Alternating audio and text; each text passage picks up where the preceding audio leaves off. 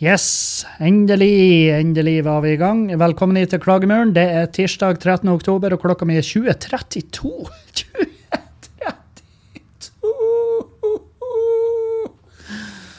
Det er nå altså straks sengetid, det kan jeg nå bare fortelle deg, Gluntmann. Du skal bare gå ta og hive av deg hårslestene, skal du pusse tanna di? Ja, da tror jeg du skal. Ja da, mamma. Jeg skal pusse tanna mi. Tanna mi som skal senere blir uh, ganske rasert av måten man lever livet på. Uh, jeg er jo um, seint ute. Uh, og så har jeg for, ikke sant, Alle de andre gangene jeg er seint ute med podkasten min, så har jeg jo sånne ymse unnskyldninger. Og jeg, jeg legger ikke så jævlig mye arbeid i de unnskyldningene, fordi at det er en podkast, så det er liksom sånn Ja, ja, er han en dag for sein, eller er det sånn at vi må hoppe over ei uke, så, så gjør man det. Det er liksom ikke Det er ikke, det er ikke krise. Det er ikke sånn at eh, ting tar ikke fyr. Det gjør det ikke. Um, men i går var jeg faktisk um, I går var jeg faktisk uh, egentlig innstilt på å skulle spille inn podkast, så jeg hadde forberedt meg og, og alt det her. Uh, men så har ikke, jeg har ikke opptaksutstyr hjemme. Jeg har, lydkortet ligger her på skubba. Um, og her er greia. Uh, i, etter helga i Bergen så har jeg vært indirekte kontakt med uh, altså, ja, Jeg har vært indirekte kontakt med noen som har vært inne og sjekka seg Som for inn og sjekka seg på lørdag eller søndag. Um, og da tenkte jeg OK, jeg har vært i Bergen, det er ganske rødt. Sjøl Selv om, selv om det er ikke så det er ikke så forpult rødt som man på en måte skulle tro. Altså, fordi at det, har jo vært en kjempe, selvfølgelig et par kjempefester der, hvor det har vært en spreder, og så har det jo alle festdeltakerne Jeg vet ikke om det har vært en Ice Wide Shut-type fest. Jeg vet ikke, jeg blander meg ikke opp i det.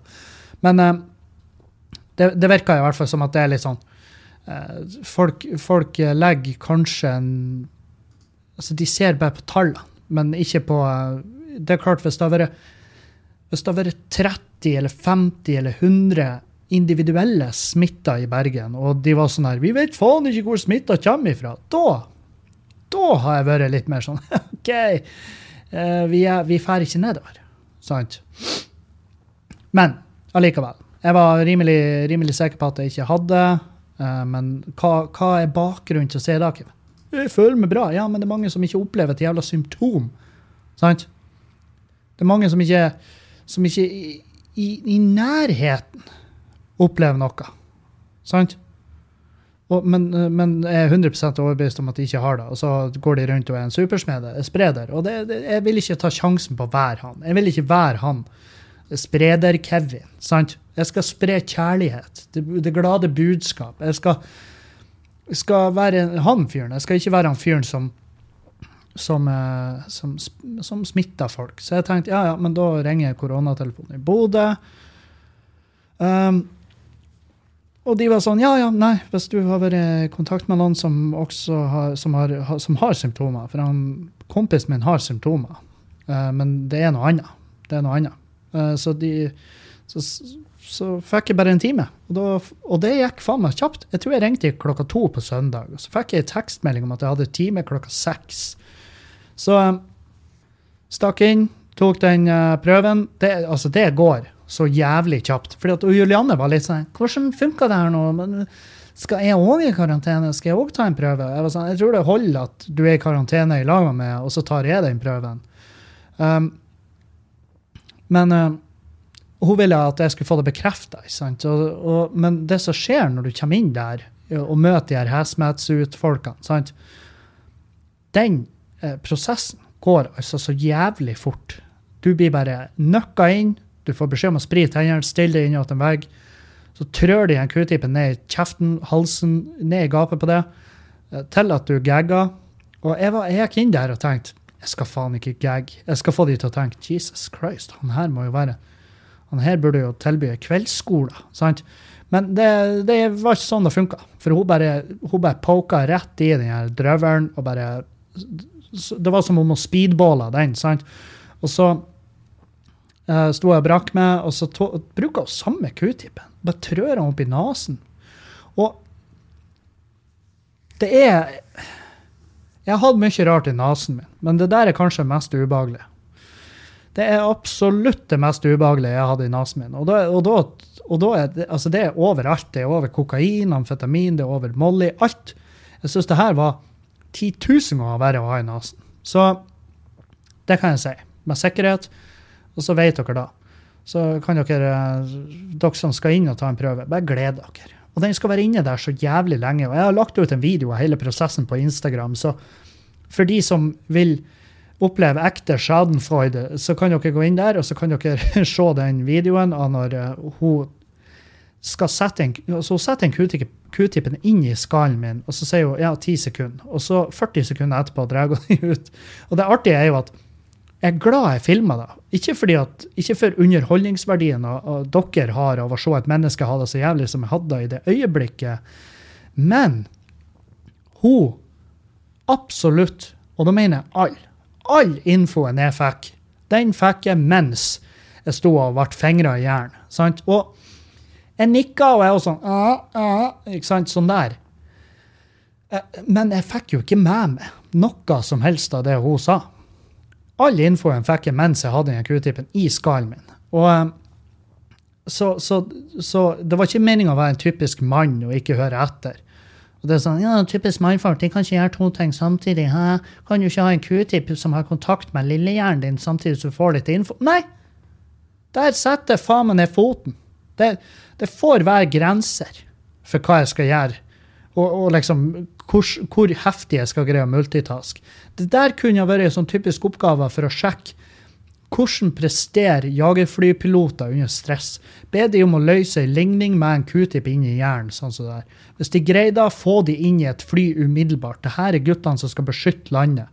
Så, nei, så, så jeg måtte jo se den videoen uh, to ganger bare for å få ta til med den infoen etterpå. Og uh, infoen var jo som som forventa. Og Juliane skulle holde seg i karantene i lag med meg. Og jeg var sånn Hvor lang tid tar det her? Jeg har jo hørt skrekhistorier om hvor lang tid det er, prøveresultatene og alt det der. Men eh, det, det, gikk jævlig fort. Det gikk utrolig fort å få det svaret. Så, eh, men mandagen røyk. Mandagen røyk, og, og det var Hva brukte vi mandagen på? Når vi ikke kunne liksom forlate kåken. Vi, vi lå, bare, lå, bare, hjemme på sofaen, så film og så Vi, vi konsumerte På søndag og mandag så konsumerte vi hele uh, The Haunting of Bly Manor. Og jeg fuckings elsker den. Jeg elsker jo The Haunting of Hill House, um, og jeg elsker denne sesongen òg. Det er det er ikke alvorlig mange paralleller der, men altså Det er snakk om eh, Jeg syns det er mer Altså, er det en skrekkserie? Nei. Det er, det er vel i grenseland å kalle det da, men det er definitivt ganske mange heslige øyeblikk der. Men fy faen, for en nydelig skrevet greie, i mine øyne. Og det er sikkert mange som er uenige med meg. og ja, fy faen, det der jævla driten der. Så du skal ha ordentlig skrekk, skal du se The Grudge. Ja, ja, men hvis du skal ha den type skrekk, så ser du The Grudge, da. Og så ser du den der når du vil ha litt mer altså litt, litt mer tyngde i det. Og ja, definitivt, The Grudge var et dårlig eksempel å dra opp, for The Grudge har jo egentlig det japanske Eller kan jeg si bare generelt det asiatiske skrekk det, det, virker som at der er også litt mer krav til historie og sånn. Men, men uh, The Haunting of Bly Manor jeg, var, jeg, bare Jeg sa det til Julianne når sekundet den var ferdig. Så sa jeg bare jeg elska den. Og hun var helt enig, og da var jeg glad at det ikke var bare meg. Um, så den kan jeg anbefale. Jeg kan anbefale Ted Lasso, uh, som ligger på um, det ligger vel på Amazon Prime, tror jeg. Nei, da gjør den ikke. Fy, fy, Kevin. Ted Lasso, den ligger jo på uh, den, oh, det her burde du Apple TV pluss. Apple TV pluss. Og det er en veldig kos. Veldig fin serie. Det er sånn Det er jo en komedie. Ko komedieserie. Og det er jo bare da at han fyren han Jason Sudeikis, Sudeikis, eller jeg vet ikke hvordan du uttaler etternavnet, men han er bare en, jeg, har bestandig likt han. Jeg liker de komediene han spiller i, jeg liker, liker han eh, karakteren han er i Ted Lasso, er sånn veldig sånn eh, vimsete og alt, for sånn gladkristen. Minner meg. Jeg minner meg om en, en fyr vi har på Halsa. Jeg skal ikke jeg skal ikke si hele navnet hans, men han heter Halsos til etternavn. Han, er sånn glad, han, han er glad kristen. Han er veldig åpent kristen.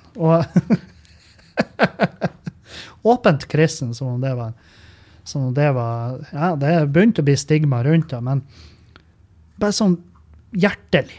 Går rundt og bare er så glad og så jævla hyggelig, og folk bare elsker han, sjøl om de har lyst til å hate han. Hele, hele serien går ut på det. Og, og eh, Nei, det er en flott serie. Ted Lasso kan jeg anbefale. Haunting of Bly Manor. Hva annet? Det var en til.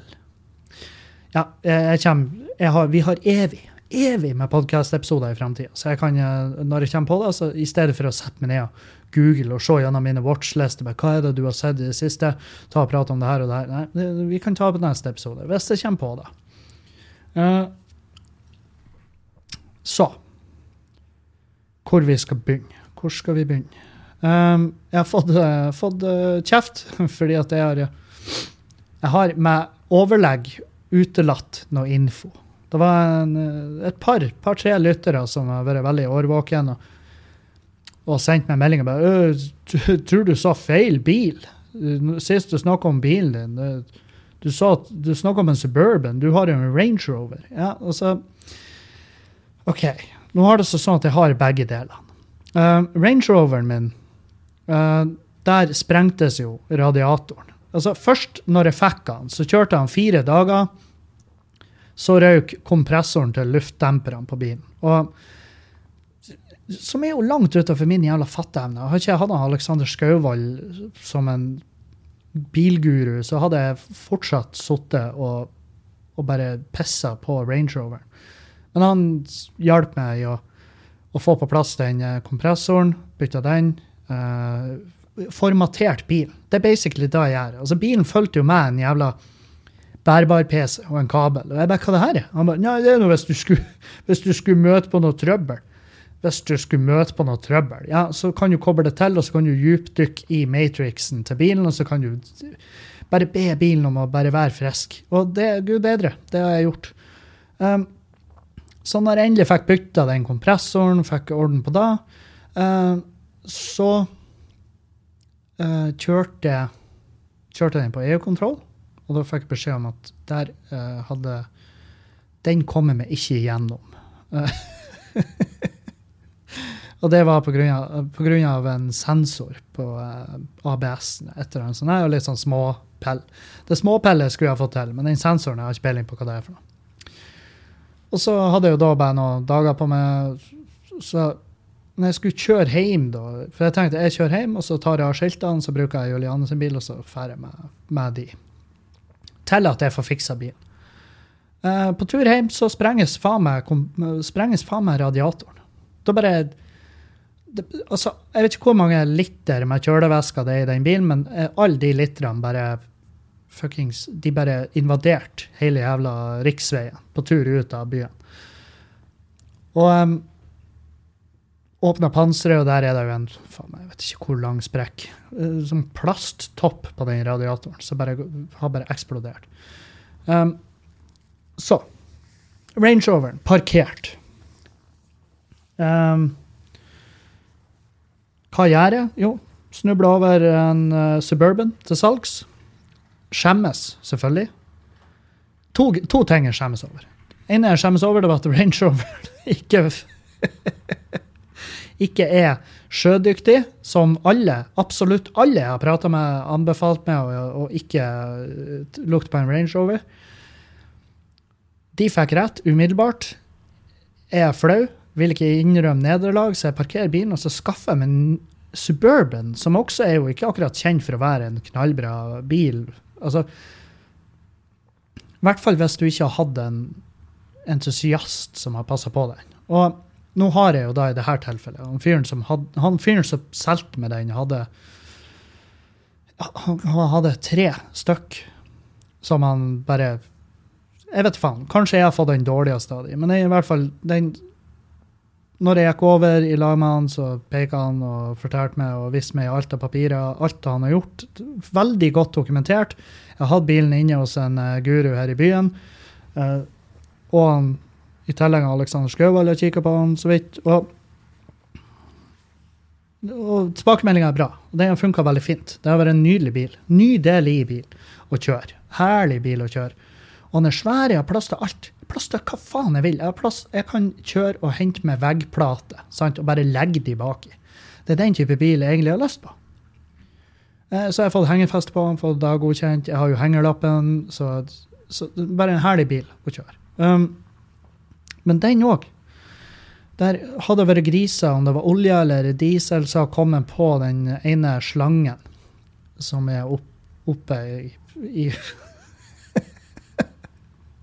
i motoren. Det, er en slange som, som frakter kjølevæske rundt omkring. Og den hadde jeg slått sprekk på. Eh, så jeg fikk plutselig low coolant inne på, eh, inne på dashbordet, og så tenkte jeg ja, det betyr jo sikkert det er lite kjølevæske på. Så åpner jeg, og så ser jeg ja, her pipler det jo, og eh, det pipler veldig. Så jeg skjønner at det var tomt.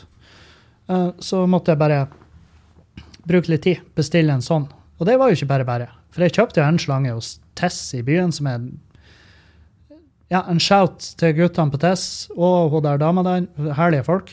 Herlige folk som har veldig peiling. Altså, slanger, det er faen meg Jeg visste ikke at slanger var så jævla at det var så jævla komplekst. Men slanger, det er faen ikke bare bare. Det er et helt eget fag. Så, så eh, der måtte jeg få den hjelpa jeg trengte, altså profesjonell hjelp. Og så kjøpte jeg en slange av de, og så eh, innså jeg at denne slangen jo, den står jo bare rett fram. Jeg trenger en slange med 90, 90 grader bøy på. Eh, så tenkte jeg ja, ja, men jeg varmer den jo bare med varmepistol. Bøyer. Nei, nei, det var ikke så enkelt. Den slangen var ubrukelig. Så da måtte jeg, måtte jeg få bestilt. Hos, eh, og da fikk jeg, etter mye om og men, bestilt en slange, fikk han levert. Satt han på sjøl. Følt mestring. Og det er da som er, når jeg gjør sånne små ting, sånn som jeg bytta kompressoren på, på Range Roveren, da tenkte jeg faen, Kevin, du har jo fette peiling. Helvete hva peiling du har. Det er helt sinnssykt. Men problemet er at jeg kan bytte de små tingene. Altså, jeg, jeg vet det. En gang så satte jeg på jeg satt på en ekstra Dog med hjelp fra en kompis, men jeg satt på en ekstra eh, alternator, eller en eh, dynamo, om du vil. Eller ikke om du vil, det er faktisk akkurat av det. Ekstra dynamo på den Volvo 740 jeg kjørte da jeg var yngre, da jeg var ungfole. Og jeg hadde et så svært stereoanlegg i bilen at eh, jeg, måtte ha, jeg måtte produsere mer strøm. Og på et eller annet vis så var det så var det plass til en ekstra Ja, jeg vet det, det er ganske sjukt, men det var plass til en ekstra dynamo på den bilen. Så det var to dynamoer på den. Det gjorde ikke underverk for forbruket da, av drivstoff. Men jeg fikk jo kjøre rundt med et dritkult stereoanlegg. Og det var jo det som betydde noe for meg i den tida. Det var å kjøre i en Volvo 740 med et fette stilig stereoanlegg som spiller sånn at jeg husker jeg fikk kjeft i Trondheim, for at jeg kjørte nedi gata der, og jeg spilla så da gjorde etter. Og så uh, sto jeg i et lyskryss, fikk rødt lys, og så sto jeg og spilla og spilla, og spilla, og så kommer det ei kjerring springende ut av en butikk rett på sida. Da har jeg spilla sånn at varer begynte å dette ut av hyllene i butikken. Og da tenkte jeg fy faen. Jeg, var ikke, jeg, jeg skjemtes ikke litt engang. Jeg tenkte fy faen, Kevin. At ikke du puler mer enn det du gjør i dag, det er jo, det er jo skandale. Men nå i ettertid så har jeg jo sett at ok, kanskje det at jeg kjørte den bilen hvor jeg hadde bytta ut altså Siderutene bak de hadde sprengtes ut av det stereoanlegget, så jeg hadde satt inn dørk aluminium og mala den svart. Og så hadde vi fått printa opp dekaler hvor det sto Søndre Mele øldrikkerlag langs hele bilen. Um, og så hadde jeg sånn her Jeg vet ikke om det var i Burning eller om det var i Tomme tønner, men det var i hvert fall en av de filmene der de hadde sånn gummifetter i tanklokket. Sånn hadde jeg på min bil òg. Nå i ettertid så skjønner jeg at kanskje grunnen til at jeg ikke pula så jævla mye, var blant annet den bilen. Og um, blant annet, merk mine ord. Det var gud bedre, det var mye mer som spilla inn der. Men Den blant annet. Um, så Ja, jeg har fått meg ny bil. Eller ny og ny. Det er en Suburban. Jeg kjører den inntil videre og er svært fornøyd. Koser meg med den bilen. Har det helt strålende. Uh, og um, har fått bytta den lille tingen det var feil med. Så jeg er fornøyd til at noe annet kommer. Og det er jo en bil, jeg, og det er amerikaner. Jeg vet. Jeg blir jo møte på et eller annet. Men sånn som jeg har forstått det, så skal jeg Hvis jeg skulle Jeg blir å plages mer med å bli kvitt Range Roveren enn jeg kommer til å plages med å bli kvitt en Suburban. Det har jeg forstått. Så, um, så det skal gå fint. Um, hva annet? Jo. Uh, nå har vi jo endelig fått lov å åpne puben til tre hvis vi føler for det. Akkurat nå i dag så, og Vi har også endra åpningstiden på puben. så Vi har ikke åpent på mandag og tirsdag lenger. og Det er litt pga. at vi skal ta vare på oss sjøl. Skal ta vare på han Dan. Spesielt han Dan som jobber For han gjør mye av det fotarbeidet her på puben. sant? Og, uh, så vi skal gi han litt avlastning. og Mandag og tirsdager har vært svært dårlig omsetning. La oss være ærlige. Det det er veldig få veldig få som drikker seg fette dritings på mandager og tirsdager. Og de få som drikker seg fette dritings på mandag og tirsdager, har gjerne forsa litt før de kommer innom og hilser på oss. Uh, så, så omsetninga har vært basically bare i nabopris på øl, og, altså Nordlands. Så det er liksom omsetning Nei. Det, er basically bare kostnader. Så vi har ikke gidda, å videreført det, så vi skal ha fra onsdag til søndag. Og det, det er bra nok. Evig bra nok for oss. Og men det er så jævlig på tide. Det er altså så borti helvete på tide at vi får lov å åpne senere. Og det er så jævla flaut at de At de um, At de på en måte spinner det off som om at ja, ser dere, tiltakene funker, så nå har dere vært så flinke at, uh, at nå skal dere få lov å åpne til tre. Og i stedet for å Jeg, jeg savner litt at de bare er sånn ja, vi tok feil. Sant? Hvis de har sagt da Og de hadde jo en runde der hvor de gikk gjennom alt det her. De hadde jo en runde tidligere hvor, hvor Bent Høie og gjeng og, og co. kunne ha sagt vi, vi satte inn et tiltak hvor vi tvinga alle serveringssteder til å stenge klokka tolv. Vi ser med en gang at det her funka ikke. Det var en dritdårlig idé. Men i stedet for å innrømme feil i stedet for å innrømme feil, at vi tok ei fuckings enorm jævla feilvurdering der. Jeg legger meg flat. Jeg beklager at uteplasser må betale prisen for det andre bransjer egentlig har stått veldig i bresjen for. Jeg beklager, jeg beklager, jeg beklager. Og for dere som har mista deres livsverk, dere som har mista jobben deres, dere som har mista deres lokale pub eller kultursted eller uansett faen, jeg beklager. Vi tok en feilvurdering. Jeg skulle ha sagt ja, bra. Bra at du tør å innrømme det, i hvert fall. Men i stedet for er det sånn Nei, vi er massive dildoer. Vi prøver å spinne off det her med at ja, flink dere har vært. Nå skal dere få en liten gulrot for det arbeidet, så vi lar dere få åpent til tre igjen. Din jævla tosk. Dere skal jo ha oss på lag igjen. Dere vil jo. Dere har jo sett at ah, Selvfølgelig. Det var jo fette dumt. Det var jo fette dumt å jage folk hjem klokka tolv. Sånn at de har masse flere timer. Masse mer effektiv nachtid. Mye mer effektiv nachspieltid. Hvor folk kan fære og bare trø seg inn i en leilighet fette full av folk. Med, det fins ikke antibac der de har Zalo at best. Sant? Så da er det sånn, det, det er bare jævla irriterende. At, at, for jeg, ønsker, jeg skulle bare ønske at noen kunne innrømme feil. Abid Raja de, de fjerna nå kompensasjonsordninger som har jo holdt med av mine kollegaer flytende. Den, den fjerna de sånn at uh, Altså, du vil ikke få noe for desemberen. Jeg var sånn her Er det her på ekte? Er, er, kødder dere ikke på Altså, er det, er det seriøst? Ja, fordi at det skal komme en ny kompensasjonsordning. Den skal gå ut til kulturhusene og til eventstedene, og den skal fungere sånn at La oss si jeg setter opp et show da i Stormen, eh, på, Lillesalen eller uansett, hvor jeg selger 70 billetter pga. restriksjoner. så skal staten gå inn og på en måte eh, kompensere for de setene som ikke kan selges pga. restriksjoner. Og det er ei knallbra ordning, fordi at eh, her er, her er det positive med den. Det, det, det betyr at eh, kulturhusene, altså de kulturstedene, pubene og alt det her, de vil kunne få en godtgjørelse. Og det vil også si at da kan, da kan komikere, musikere, artister bare generelt jobbe igjen. Vi kan begynne å arbeide igjen, og da vil det være liv laga, sjøl om kulturhusene de ikke kan stille ned prisene på leia på salen. For det har jo vært et problem. Hvis, hvis en sal koster uh, 25 000 å leie, som man ofte gjør, hvis det er plass til 250-300 mennesker, så koster han gjerne 25 000-25 000 å leie. Og hvis de ikke har kunnet gått ned på de prisene, fordi at ja, jeg vet ikke, jeg legger meg ikke borti det, jeg syns det er kjipt, men jeg legger meg ikke borti hvorfor de ikke kan gå ned på prisene. Selvfølgelig, folk skal arbeide. Folk skal ha timer og jobb i, i kulturhusene, selvfølgelig. Men eh, jeg hadde forventa litt Noen kulturhus har jo selvfølgelig letta litt på pengekravet, men ikke alle.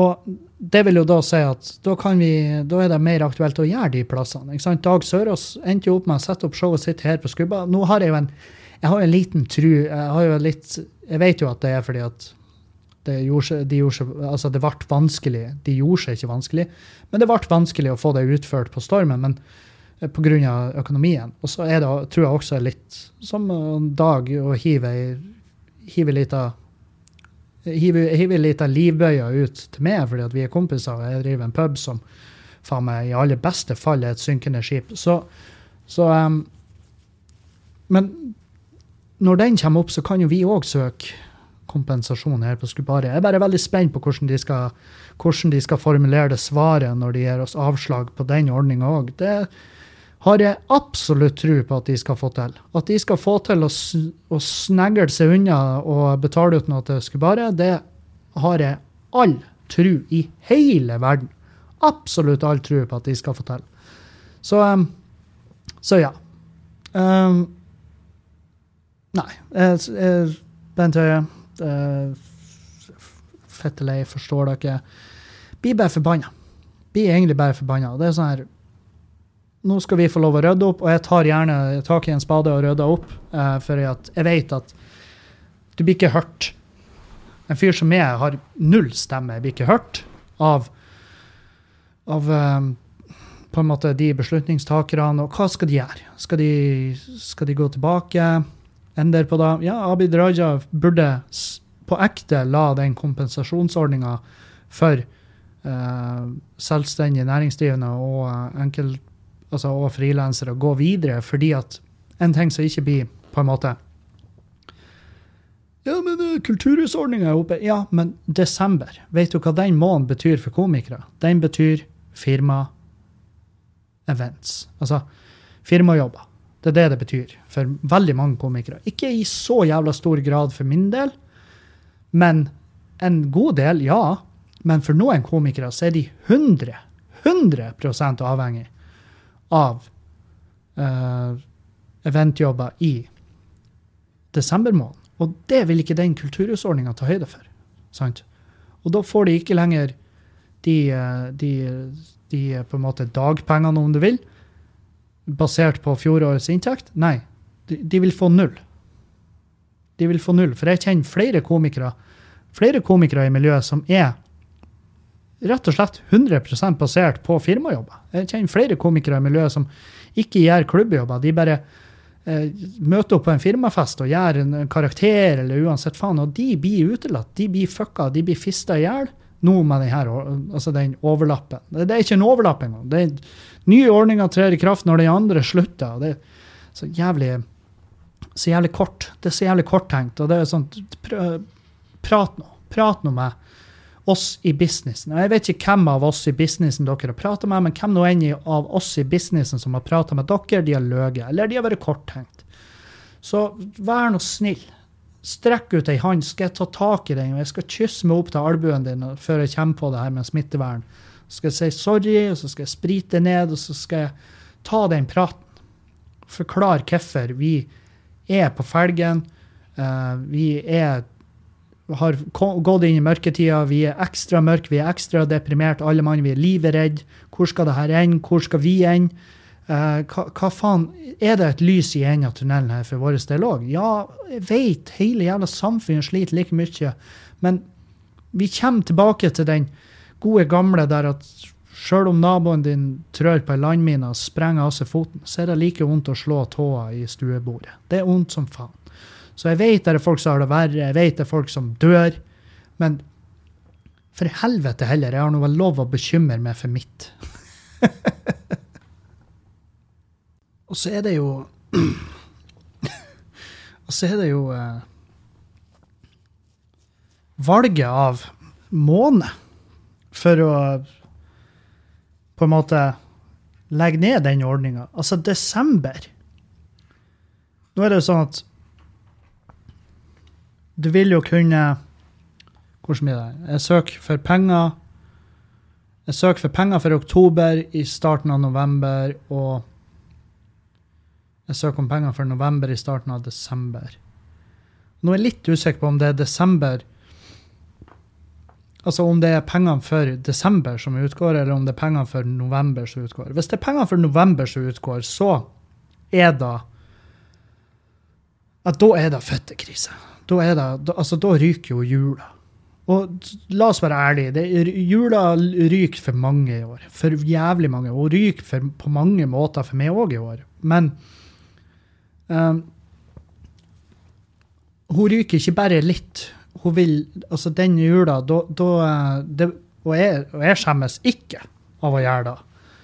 Men eh, da blir det ei sånn type jul der jeg trasker ned på Bymisjonen og bare sier hei, har dere en pakke med middagspølse så jeg kan, som jeg kan dyppe i noe provisorisk eh, potetstapper hjemme? Og bare og, og så si glade jul.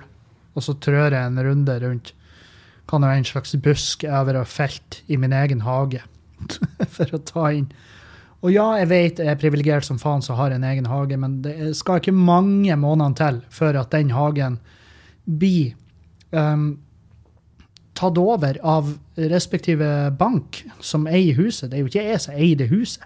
Jeg leier jo huset hos banken til at banken en dag sier vet du hva, du har vært en flott leietaker. Det har vært litt, Vi har hatt våre ups and downs, men fra nå av så er det her nå ditt. Så nå kan du Nå eier du det 100% sjøl, så nå tar staten over vår fakturering, sånn at de fakturerer det fordi at du er så flink å eie noe og har betalt det ned. Så du har gjort en flott innsats, og den skal belønnes med at du må betale sinnssyke summer fordi at du eier det her huset. Så gratulerer, godt jobba. Nå passer vi mikrofonen videre til nestemann som skal nå bruke resten av ditt liv på å fortelle eh, hvor, hvor pengene skal hen, i stedet for inn i ditt eget nebb. Så det skal veldig lite til for at jeg føler at uh, ting er under angrep. Og det merker jeg på meg fra uke til uke. at noen uker så har jeg fått inn penger, og noen uker er jeg blakk. Og da vil dere merke da på, på lynnet mitt hvor desperat jeg er, hvor redd jeg er. Uh, men nå har det, de siste ukene så har det vært sånn her at jeg har, jeg, har fått det mer sånn her, jeg har fått det mer konstant ro på grunn, og det er 100% på grunn av Patreon. Og eh, det er 100% på grunn av Patreon. Fordi at jeg ser at Og um, jeg ser at der kommer det inn stadig vekk nye, og jeg får masse meldinger der, og jævla mye hyggelige folk. Folk som er trivelige å prate med i tillegg, som er jo selvfølgelig pluss.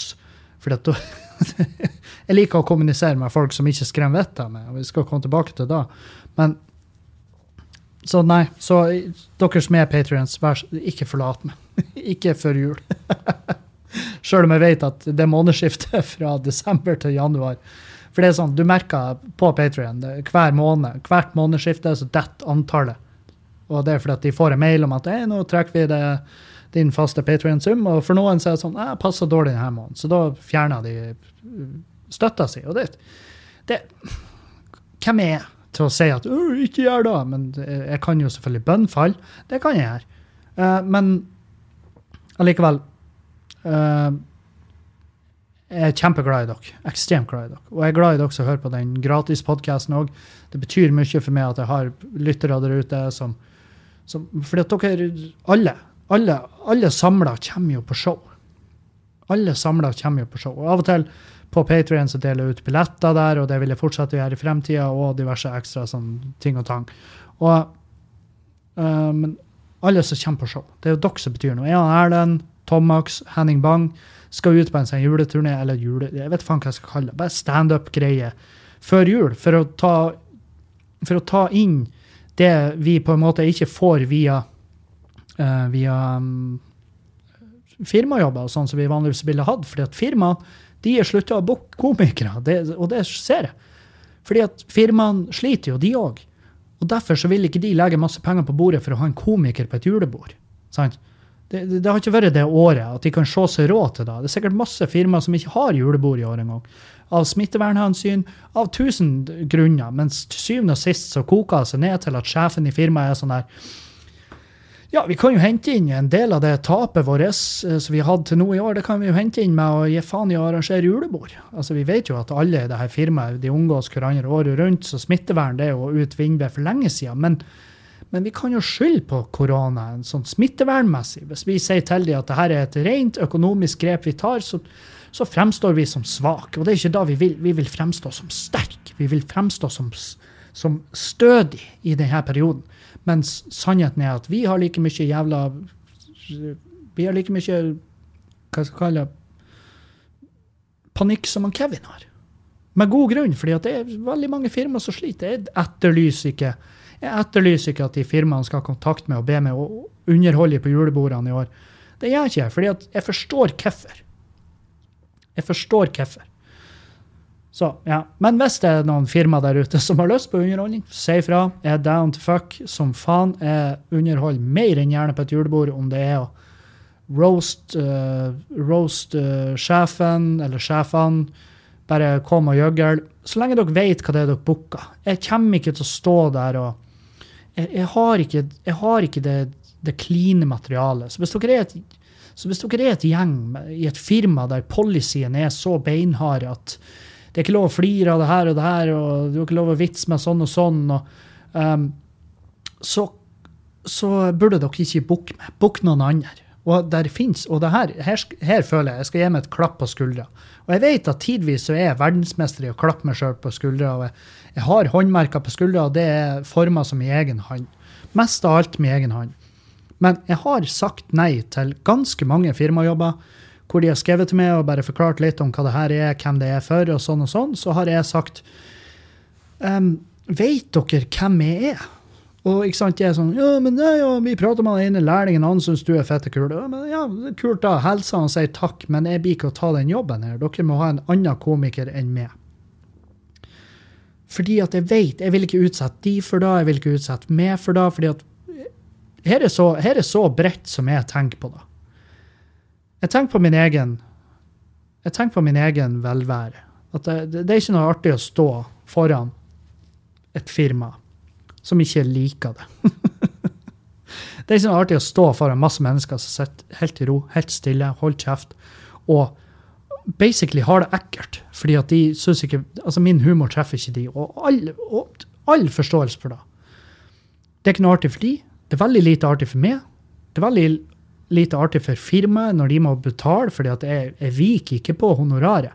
Hvis de har fått meg opp dit for å opptre, så opptrer jeg, og jeg skal ha det honoraret. Så, så beinhard jeg er. Men det er fortsatt ikke deilige penger. Sant? Så det er en av grunnene til at jeg sier nei til de jobbene. En annen grunn er at jeg tar indirekte gleden fra en annen komiker som kunne gjort en god gig og dratt derifra og vært fornøyd, og de kunne vært fornøyd. Og i tillegg så undergraver mitt eget virke, altså min egen, min, e, min egen, mitt eget yrke, undergraves av at jeg gjør jobber. Hvis jeg gjør en jobb som jeg vet nesten 99% sikkert at den kommer til å gå til helvete. Og jeg har tatt feil før. Jeg har gått på scenen på jobber som jeg var 99% sikker at de kom til å gå til helvete, og så gikk det bra. Men hvis jeg tar en sånn jobb med god samvittighet, og det går til helvete, så vet jeg at alle de, alle de det firmaet blir å tenke er det, er det her som standup? Ja, da er det ikke noe for meg. Da er det ikke noe for meg. Og så vil ikke det firmaet booke en komiker til neste år, så det blir mindre penger i rotasjon i yrket, og det, og det hjelper da negativt på veksten for standup. Og det, sånn Si hva faen dere vil. Tru meg om dere vil, tru, og, og uh, kall det bullshit om dere vil, men sånn tenker jeg av og til. Av og til tenker jeg sånn. Og det kommer også an selvfølgelig på hvor blakk jeg er. Og jeg vil ikke være så blakk at det tar en masse jobber som jeg vet blir å gå til helvete. fordi det, når vi kommer ut av tunnelen på andre sida, hvis jeg fortsatt har alt det jeg har i dag, hus, kjerring og, og en viss livsgnist, kanskje ennå har puben, hvem i faen vet. Hvis jeg kommer ut på andre sida og har gjort det masse sånn gigs, så kommer jeg til å ha så jævla dårlig samvittighet for at jeg sa ja til det. Når, når jeg egentlig burde ha latt være. Ja ja, Kevin, du gjorde det du måtte for å overleve. Men da må det finnes andre ting. Som f.eks. det jeg snakka om i siste episode. Ta og Sug noen kuker. Men det også er jo en typisk gig jeg hadde gått inn og vært veldig usikker på om jeg hadde kommet ut med uh, med gleden og stoltheten hadde jo neppe vært der uansett. Hvis jeg hadde tatt penger for å suge en kuk, så ja, jeg hadde, mest, jeg hadde jo ikke kommet ut med stoltheten i behold. For jeg, jeg, tror ikke jeg, jeg, tror ikke jeg er type. Jeg tror ikke jeg hadde fått det til å selge kroppen min med en sånn uh, hva jeg skal si, selge kroppen min med en sånn innlevelse at de hadde kjøpt det. Jeg tror de hadde merka veldig fort at det her Kevin han er faktisk en av de som er i det yrket her, som ikke har lyst til å være i det yrket. Han er ikke en av de som elsker jobben sin, sånn som Hege Grostad, som, som, er fantastisk representant for det her yrket. Mens han Kevin er ikke det. fordi han har ikke trivdes på jobb. Han så Smaken er litt ekkel. og sånn, nei, Det er masse, masse der som ikke er nødvendigvis Jeg kunne ha solgt kroppen min til til et kvinnfolk. Men er, den businessen er litt um, Altså, hvordan skal jeg si da? Altså, det er jo kun meg sjøl jeg, går løs på, da. Men jeg er ikke kjekk nok til å leve av å uh, hore meg ut til kvinnfolk. Fordi at det er veldig, veldig få. Skal jeg være forsiktig med å si at det er veldig få? For jeg vet ærlig talt ikke tallene der. Men jeg vet ikke hvor mange der jeg vet at det er veldig mye mindre mannlige prostituerte enn det kvinnelige, og det er veldig my mye mindre kvinnelige uh, sexkunder enn uh, mannlige. Det kan jeg med hånda på hjertet. Så det, her er 99,9% sikker. Jeg har jo ingen tall å vise til, men jeg kan ikke tenke meg til at de er, at de er balansert og likestilt, de, det antallet. Det nekter jeg å tro. Så Uh, ja. Uh, vi skal ta, uh, Dere har nok en gang vært helt nydelig flinke med spørsmål, og jeg har fått en sånn der tilbakemelding, og den kan jeg ta med en gang. jeg hadde jo en lang prat sist om sopp. Um, så jeg har fått Hei, Kevin. Vil bare begynne med å si at jeg er fastlytter av podkasten din og 100 under alt. Hørte nettopp din siste podkastepisode, og den fikk meg til å tenke. Hvordan kan du være for legalisering av sopp og andre narkotiske stoffer? Som kan være særdeles farlig i store mengder. I siste episode i mange, og i mange før spesifiserer du viktigheten av å tilrettelegge, tilrettelegge ordentlig før bruk. Vær på en trygg plass. Uh, utrolig viktig å ikke ta for stor mengde. Passe på lys og musikk osv. Uh, eh, hvis dette er veldig viktig for å få til Nei. Hvis dette er veldig viktig å få til for å kunne bruke stoffet trygt, er det ikke da litt farlig å ha i fritt omløp? Hva er dine tanker rundt dette? Jeg er kun nysgjerrig. Prøver ikke å prøve Elsker at hun har skrevet det sånn. Jeg er kun nysgjerrig. Og så skrev jeg 'prøver' i parentes, og ikke dømme noen. Tusen takk for flott podkast, og takk for at du snakker om mange temaer som i hvert fall jeg har null eller liten kunnskap om. Håper du har en strålende uke. Um, ja. Hvordan eh, skal vi Det er jo mange, mange angreps... Uh, hvordan jeg skal angripe det her. Um,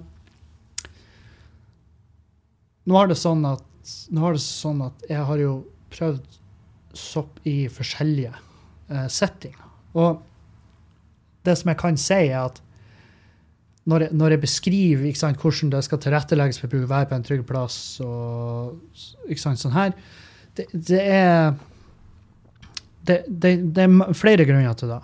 La oss si at um, La oss si at det her hadde vært i fritt omløp, og, vært, og dermed stigmaet på en måte har vært borte. Så kunne man ha hatt eh, litt lettere tilgjengelig på en måte plasser der det har vært mer lagt til rette for å kunne trippe.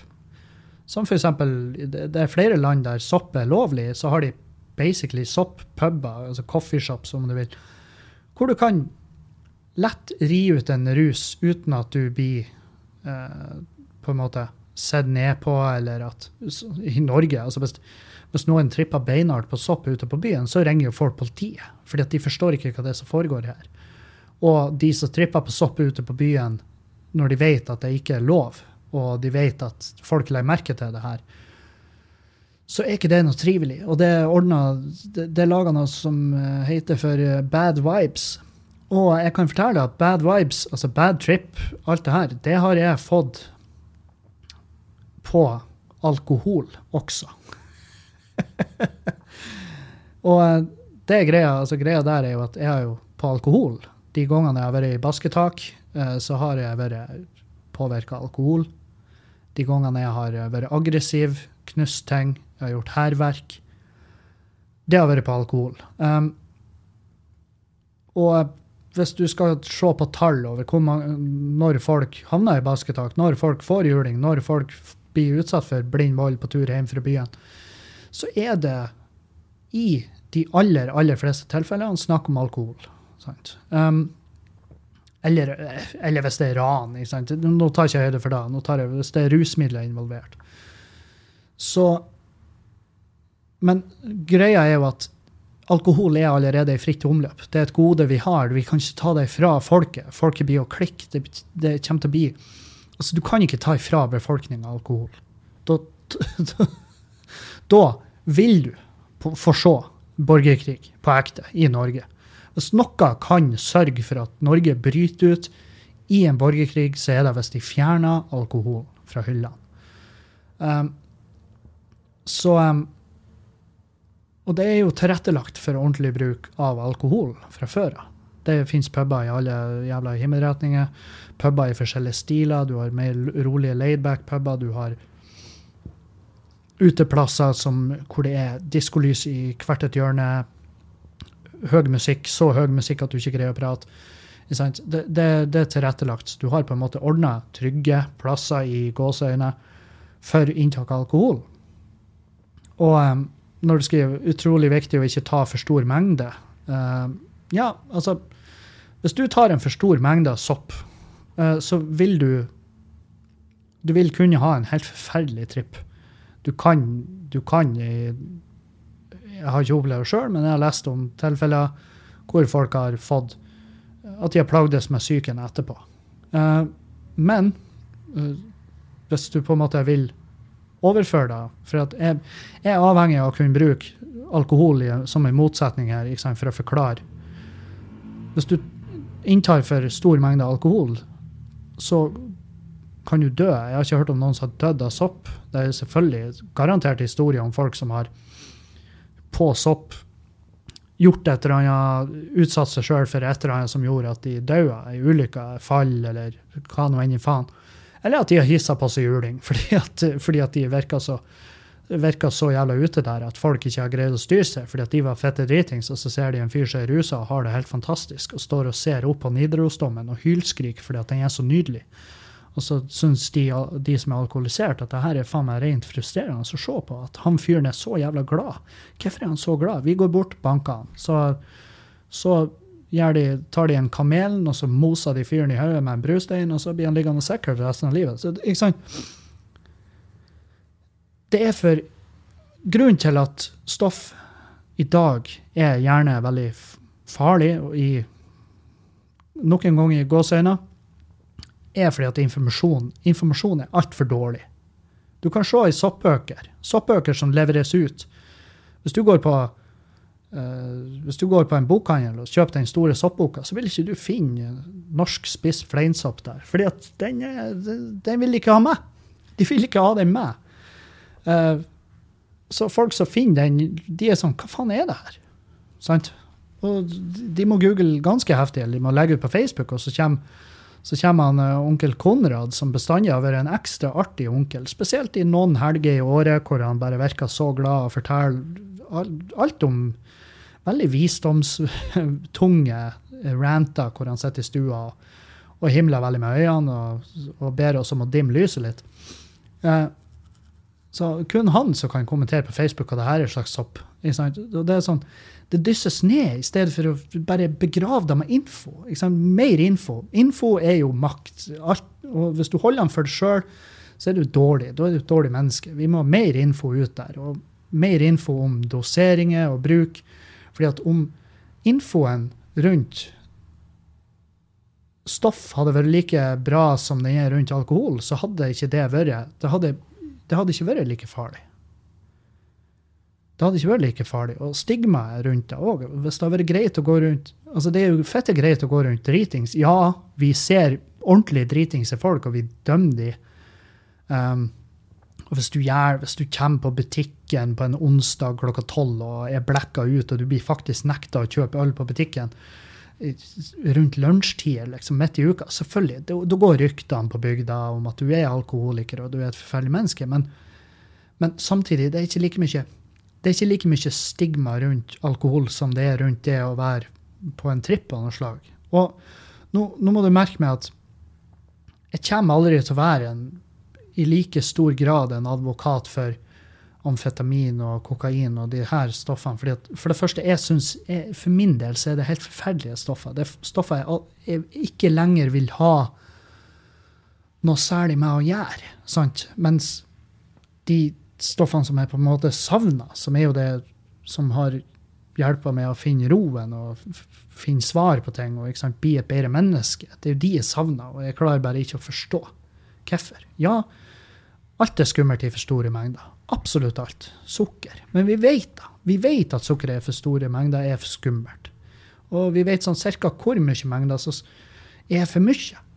Mens på alle de andre tingene der som er ulovlige stoffer, så er det mye altså misinfo der ute, og mye skremselspropaganda som gjør det verre.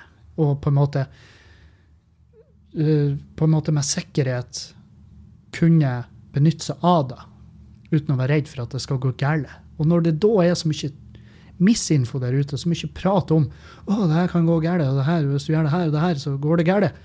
Og så Da ligger det på sinnet ditt. sant? Da tenker du på det. Og det, da går du på en måte Om det er LSD eller sopp eller ayahuasca eller DMT eller Det er ikke nøye. Men om du går inn da, i en tripp med det i hodet, at det her det blir å gå til helvete, så er oddsen ganske stor for at det går til helvete. Men du våkner dagen etter, og alt er i orden. Altså sånn, som regel. Men det er nok en gang bestandig historie der hvor det ikke går bra. Og det vil det være med absolutt alt. Absolutt alt vil kunne gå til helvete hvis du ikke har respekt for hva nå enn du har i det. Så ta og gå på butikken, drikk ti liter appelsinjuice. Selvfølgelig. Du dauer. Du drukner. Det er ikke bra sjøl om oh, vitamin C. Ja, ja. Det, det, kan de si i begravelsen. Han, han, han, er kanskje død, men det var i hvert fall ikke av en forkjølelse. Ikke sant? så, så nei. Um, men samtidig um, Jeg vil jo da La oss si at hvis vi skulle gjort Emma uh, lovlig, som er jo et som jeg syns er et, eh, et flott stoff.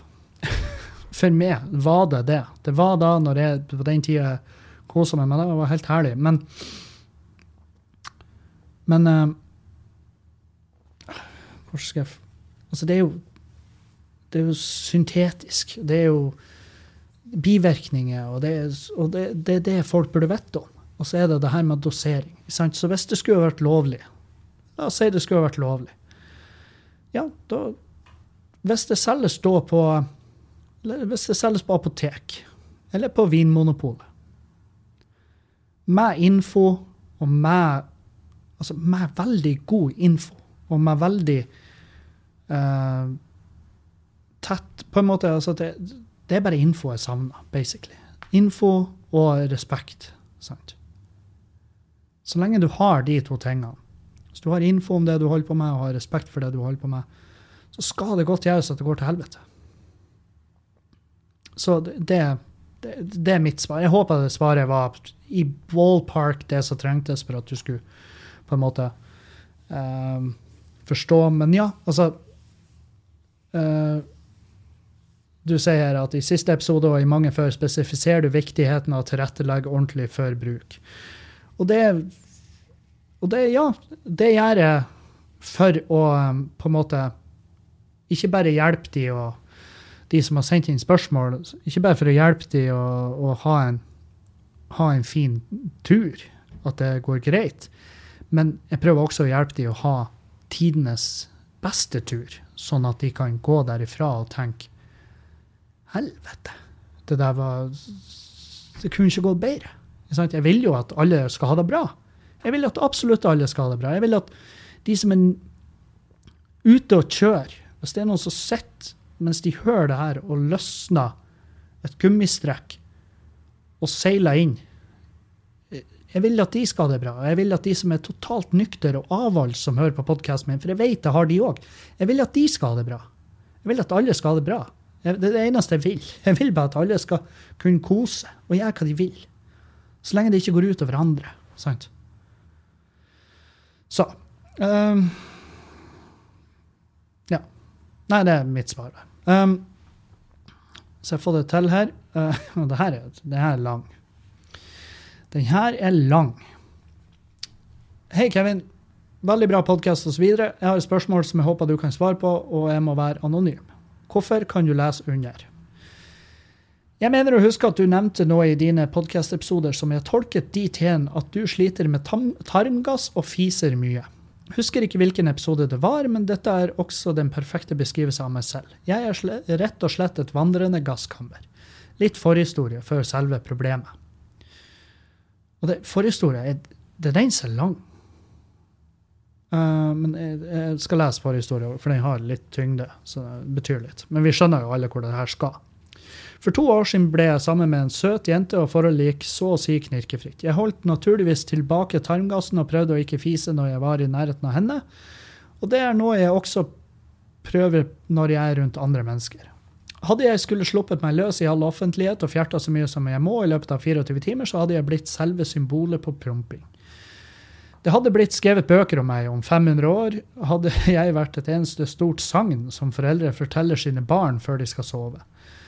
Problemet er jo selvfølgelig at det er vanskelig at det er vanskelig og veldig vondt og ubehagelig å stenge inne så mye luft i en hel dag, og man blir utrolig oppblåst og sliten av det i lengden. Ja, helt enig. I starten klarte jeg å holde gassen skjult for henne fordi jeg ikke var hos henne så lenge om gangen, og fordi jeg fant på unnskyldninger for å ta turen ut av leiligheten og jeg måtte lette på trykket. Én ting er jo selvfølgelig lukten, men mitt største problem er nok at jeg ikke kan prompe uten å bryte lydmuren. Ja, altså, det, det, er for høyt. Det er rett og slett umulig å prompe uten å lage lyd. Jeg prøvde en gang å måle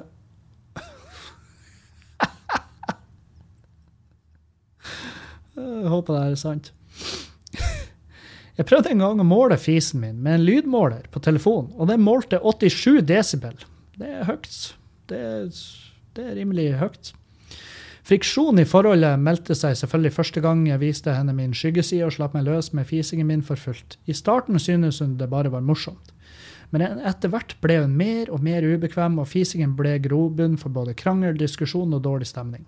Hun mente jeg, ikke, hun mente jeg vekket henne flere ganger hver natt. Jeg fjertet, og venninnene hennes ble ubekvem da jeg tok meg et toalettbesøk mens de var i leiligheten. Her er det for ordens skyld også viktig å nevne at det er tynne vegger mellom badet og stua. Ja, det er jo dumt. Sexlivet begynte til slutt å rakne. Sorry. Begynte Sex Oi, sorry. Det er jo synd i det, mann.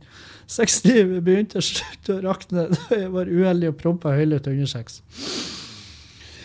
Noe jeg egentlig synes var litt urettferdig, ettersom hun hadde under samme seanse hadde fittefjerte.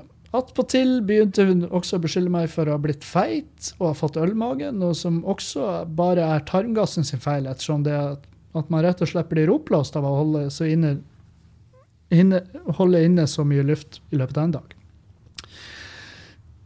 Som du sikkert kan gjette, så endte forholdet til slutt i dass, og jeg ser på det som et enormt nederlag og stor ydmykelse da jeg i tillegg et år i forveien hadde mistet en jobb, delvis på grunn tarmgass. Har du mista jobb på grunn av fising? Hva du jobber hen? Men den står jeg for eventuelt komme tilbake i en annen mail. Ja, jeg regner med Det er òg en lang historie. Jeg vil bare vite hva den jobben er. Hva du, hva, hvordan jobb. Så over til selve problemet. Ok, Så alt det jeg har lest nå, er ikke et problem. Nylig har jeg møtt en jente som jeg liker veldig godt, og jeg vil selvfølgelig for alt i verden unngå at det samme skjebne skjer om igjen. Det spesielle og kritiske denne gangen er at hun gjerne vil at vi skal flytte sammen. Jeg har gått til legen flere ganger med fisingen min og selvsagt prøvd å legge om kostholdet. Det har hjulpet litt, men ikke nok til at tarmgassen ligger åpenbart og tarmgassen ligger åpenbart i, til familien min, da moren min fiser hele tiden. Til min fars evige store fortvilelse. O, store Kevin eh, Orakel, hva skal jeg gjøre?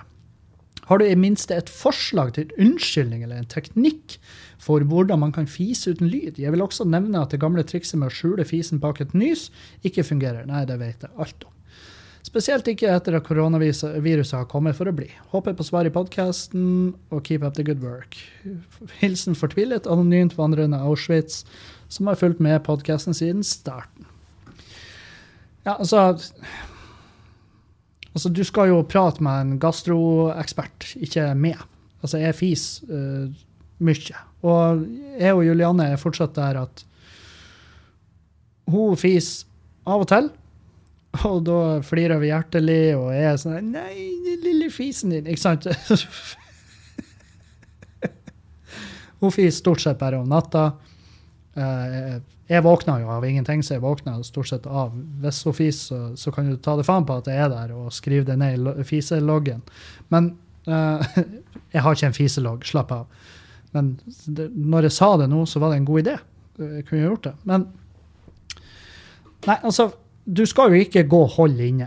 Uh, jeg tror faktisk at uh, jeg, faktisk, jeg, jeg, tror at det å gå inne og, og holde inne fisen det vet vi jo. Vi har jo lest det. Det er ikke bra. Det er ikke bra for det. Um, og jo mer du holder inne, jo mer lyd vil det lage, jo mer forderva vil den lukta være. Så jeg ville bare vært Jeg og Juliane, vi, herregud, første data når jeg satt meg i bil, det var jo faen meg Altså, det var jo ned med ruta. Kjør i full fart med anlegget på fullt og bare fis. Fis med i hjel. Fordi at jeg ikke samme sted. Ville, det er jo selvfølgelig ikke dritfett. Det er jo ikke fantastisk å bare lette på låret på første date og bare slippe en fis. Og, og jeg skjønner at det er et problem. Jeg skjønner at det er ekkelt. Eh, eh, og du må prate med kjerringa di og si bare du, Baby, jeg elsker det. Jeg har lyst til å bo i lag med deg, jeg har lyst til å leve i lag med deg, jeg har lyst til å dø i lag med deg. En av oss skal se den andre dø. Vi vet ikke ennå hvem. Men hvis du ikke lar meg fise åpenlyst i lag med det, eller i leiligheten, uten at det er et problem, så vil det være meg som dør først. For jeg vil bli dø av tarmsykdom eh, fordi at jeg har gått og holdt meg pga. det. Jeg elsker det, men la meg leve, la meg fise. Vær så snill, baby. La meg fise. Det kan du si. Og hvis hun da sier nei, det er altså uaktuelt, så må du bare gjøre slutt. fordi du kommer ikke til å holde ut der. Det, det kommer ikke til å holde ut. Um, og så um, og så vil jeg ha lagt om kostholdet. Uh, det er jo Har du tatt, uh, har du tatt alle allergitester? Er, er, det noe du Er det noe laktose? Er noe gluten? Er et eller annet som gjør at du bare Er det noe som gjør at du er sånn? Og jeg er ikke en fagperson. Jeg er bare en og jeg, føl, jeg tror ikke jeg fiser mer enn den gjengse gutt. Det tror jeg. Um, og jeg var sånn her, når du skrev om jeg har noen tips for å fjerne lyden Jeg vet faen. Jeg, vet, jeg, jeg, altså jeg har jo lyst til å si ja, kjøp deg en buttplug og bare trene opp rævhølet ditt. Men jeg tror ikke det vil hjelpe. Jeg tror det er bare en sånn uh, ikke sant? Sånn, når vi vokste opp og var sånn her 'Å, hun har pula ti gutter, hun er sikkert så vid at uh, du ikke kjenner noe.' Nei, det er ikke sånn det funker. Det er ikke sånn det funker. Det er faktisk snarere motsatt. Fordi at hun har fått du har trena mer av de musklene i underlivet. Ikke sant? Så, så jeg, jeg, tror ikke nødvendigvis det vil hjelpe. Men Det må jo finnes noe. Det må jo finnes noen medisiner. Det må jo finnes et eller annet for det. Fjerne tarmgass. Tarmgass. Kjedelig, men interessant. Tidsskriftet.no. Ti midler mot tarmgass. Her. Det er jo en artikkel. Den er laga av veien helse.no. Ser legit ut. Ser ikke ut som uh, um, Ser ikke ut som det jævligste sida. Ser ikke ut som eh, at de tilbyr liksom reiki og sånn her dritt. Papaya mot tarmgass. Papaya og ananas, ingefær, uh, eplesidereddik, løvetann Jeg holder unna løvetann. Fuck da. Kanelte det er jo lett å få tak i. Grønn anis fins. Omslag med varmt vann. Uh, hørtes ut som mye arbeid. Sitronjuice, hvitløk, kokosvann. Alt det her er jo godt. Ta og Få i det mer av det. Så, så jeg håper, jeg håper det her skal ordne seg for det. Jeg syns det er jævla kjipt å høre at du skal gå rundt i livet ditt og, og faktisk ende forhold og miste jobber. Hvordan mest, hvordan, hvor jobber du? Kan du være så snill å fortelle meg hvor du jobber hen? Jeg må jo vite. Må Altså, hvordan jobb er det du mister pga. tarmgass? Altså, det er jo Det er jo helt forferdelig. Altså delvis pga. tarmgassen, skriver du. Da lurer jeg på hvor delvis mest du den jobben pga. tarmgassen. Var det bare en sånn slengkommentar de sa til deg? Ja, vi, synd at du må gå av nedbemanninga, at vi har mista vi mista den kontrakten som gjør at vi må kvitte oss med 90% av arbeidsstokken. Men, og så roper de når du er på tur ut døra Vi slipper i hvert fall den tarmgassen din! sant? Prøvde å få inn en siste latter sant? før du forlot arbeidsplassen. Eller var det sånn at du ble kalt inn på kontoret, og sjefen din var sånn Du, nå har vi hatt den praten her et par ganger, og eh, det er ganske vanskelig å jobbe i, det, i den, eh, i den tollbua i lag med det. For det, det, den er fem kvadratmeter stor, og, og du fiser veldig mye, og vi er på grensen til Russland. Det er veldig kaldt der. Så vi kan ikke ha åpent vindvann hele tida. Så vi, må, vi har liksom bare måttet levd i den osen. Og da håper jeg du forstår at vi er blitt enige om å la det gå på grunn av det. Jeg vet at det finnes truser med sånne her kullinnlegg. Det kan du bruke. I hvert fall for å fjerne lukta, men den lyden er jo forferdelig. Han er jo 87 desibel, åpenbart. Du skriver det jo her. Og 87 desibel, hvor høyt er da? Hvor høyt er 87 desibel? Eh, eksempel. Ah, eksempel. Der. Um, lydeffekten og det her, er, det her er det som er så jævlig irriterende med desibel.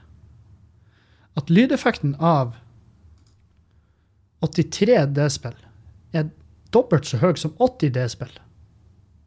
Skjønner? Det er ganske vilt.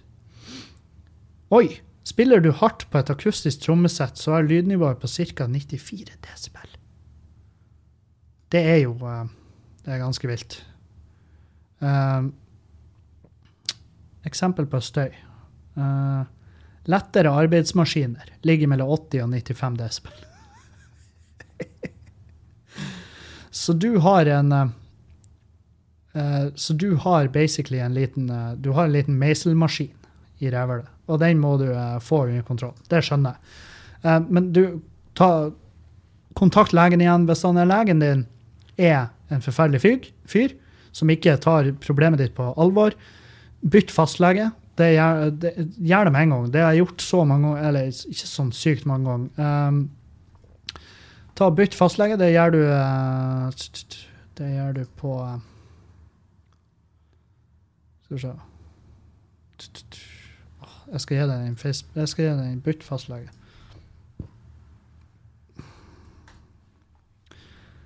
Bytt fastlege. Der. Eh, det gjør du på Helse-Norge. Så da eh, går du inn, bytter fastlege, og så går du inn og sier vet du hva, her, nå er jeg bytta fastlege til det, og det er av at han forrige motherfuckeren tok ikke det her seriøst. Nå har du en ting å gjøre, det er å ta det her seriøst. Vær så jævla vennlig og sette meg i kontakt med en gastroekspert en gastrokirurg Nei, ikke nødvendigvis kirurg, men noen som har litt peiling på tarmsystemet mitt. Fordi at jeg ødelegger mitt eget liv med rævlet mitt, og kan du være så snill å hjelpe meg? Og ikke si til meg at jeg må legge om kostholdet, for det har jeg prøvd. Jeg trenger noe mer enn det. Og da vil de mest sannsynlig hjelpe deg. Prøve å komme til bunns i problemet. Og jeg blir ikke overraska hvis det er en eller annen mat du, du trenger ikke være allergisk mot, men det kan hende at du har en intoleranse av noe slag som eh, som, eh, som du må ta grep om. Helvete hvor masse tid jeg brukte på dette problemet. Men det er fordi at jeg, jeg føler med det, mann. Jeg, jeg, vil ikke at du skal ha sånn her. Jeg sa det tidligere i episoden, jeg vil bare at folk skal ha det bra, og jeg vil at du skal ha det bra. Og jeg vil også at folk rundt deg skal ha det bra, for det kan jo mulig være bare enkelt å være i lag med deg. Ligge og chill. Ligge og, jeg vet jo at av og til når jeg fiser, så tar jeg stemninga ut av rommet uh, med meg og Juliane. Av og til så passer fisen min altså Lydnivået av min fis passer ikke overens med hennes humør i akkurat det øyeblikket, og da merker jeg at eh, den kunne jeg holdt for meg sjøl. Um, men jeg er også veldig glad for at jeg kan være så fri rundt henne. fordi at hvis ikke, så hadde For jeg vet hvordan det er å gå og bære på det driten. Og det bokstavelig talt, det er helt jævlig. Det er helt jævlig. Så kom til bunns i problemet ditt, mann. Jeg er ikke den som kan hjelpe deg, men jeg kan i hvert fall fortelle deg at det er på tide med å bytte av fastlege hvis legen ikke tar det her seriøst og ikke hjelper deg nok. Kom deg inn til ekspertene, få bukt med det. Si til dem at motherfucker, jeg har mista forhold og jobb pga. det her. Overdriv gjerne når du forklarer det til dem, sånn at de skjønner at ok, hvis han fyren her ikke får hjelp, så vil det faktisk ende med at han blir en samfunnskostnad i stedet for en ressurs. Da vil de måtte ta grep for å bare holde det i arbeid og holde det eh, aktiv og holde det i live. I stedet for at du bare mister alt og spenner krakken i garasjen. sant? Så Eller at du Du bare setter deg i garasjen i bilen, og, ikke noe mer. Du, du, trenger ikke å strekke den slangen fra eksospotta og frem. Nei, nå er jeg idiot. Sorry, men jeg blir ikke å klippe det, det der ut engang. Ennå jeg burde. For jeg flirer meg i hjel av problemet ditt. Men la oss være ærlige. En enkel er en drittunge. En drittunge det vil jeg bestandig være fordi at Og jeg har sagt det på scenen òg. Jeg blir aldri i mitt liv som komiker å kunne skrive en vits som er like bra som en artig fjert. Fordi at gud bedre, fising, fjerting, promping, driting Alt det der, det er pissartig. Det er dritartig. Jeg syns det er dritartig den dag i dag. Og det får meg til å humre. Så um, Nei. Hold meg ekstremt ekstremt detaljert og oppdatert i din situasjon. Um, skal vi se om jeg har noe mer spørsmål her. Ja, iallfall Jeg måtte bare stoppe opptaket og så se gjennom hva er det jeg har prata om og ikke prata om. Jeg har fått et uh, her, og det er en veldig sånn, uh, veldig sånn typisk uh, typisk problemstilling som jeg, jeg, tror flere par går gjennom enn man skulle tro. Uh, Hei, jeg har en litt rar sak å ta stilling til. Jeg er panfil, eh, og det, hvis dere ikke vet hva det er, så vil det si at du, er, du forelsker deg i personlighet, uavhengig av kjønn. Um, så litt Jeg er litt sånn usikker på hva som er forskjellen på panfil og bifil. Eh, OK, der stopper jeg opptaket igjen, og så googler jeg selvfølgelig da, for jeg vil ikke være jeg vil ikke være en så enorm jævla kilde av disin, eller misinfo. Uh, men i hvert fall bifil, da Bifil er det mer uh, Da er det enten mann eller kvinner du tenker på. Er du panfil, så er du av de som på en måte embracer hele det her med at det fins ikke bare mann og kvinne. Det fins flere kjønn. Det fins masse, masse, masse, andre betegnelser. Uh, og de, de, de, ser ikke kjønn på, de ser ikke på kjønn som en uansett et hinder. De forelsker seg i personligheter. Så der, det er jo gjerne der jeg ville ha plassert meg sjøl hvis jeg skulle gjort da. Uh, nå er jeg ikke så jævla nøye med å definere meg som noe. Men nok om det. Um, tilbake til uh, spørsmålet. Eller problemet. Jeg er panfil og har akkurat fått ny kjæreste. Vi har det bra sammen, men hun har et litt rart ønske seksuelt. Siden jeg er pan, og hun er nysgjerrig på sånt, så vil hun, vil hun ha trekant. Men det skal være meg, hun og en homofil mann som, som jeg da skal ha sex med mens hun ser på. Jeg har da spurt hvordan og hvorfor, hvorpå hun svarer at hun vil bare se meg ta en annen mann i ræva. Jeg vil bare, jeg vil bare ha sex med hun, men vil også gi hun opplevelsen. Så hva skal jeg gjøre? PS, kall meg gjerne HC om du bruker dette i en podkast. Ja, eh, da skal du ikke gjøre det, spør du meg. For her er greia. Hvis, hvis, eh, hvis man skal gjøre denne type greier i et forhold, hvor man skal invitere en, en utenforstående, en tredjeperson, inn i, på soverommet, så skal det være noe begge i forholdet har lyst til. Fordi at i de situasjonene der man gjør det uten at begge har lyst, så øh, blir det jævla dårlig stemning fort. Det vil, det vil gnage på det. Det vil, eh, det vil, du vil bruke veldig mye tid på å ha det kjipt etter da, mest sannsynlig. Det kan hende at du underveis bare Helvete, det her var jo dritfett, kan vi gjøre det her hver dag? Men jeg ville ikke tatt, vil tatt eh, sjansen.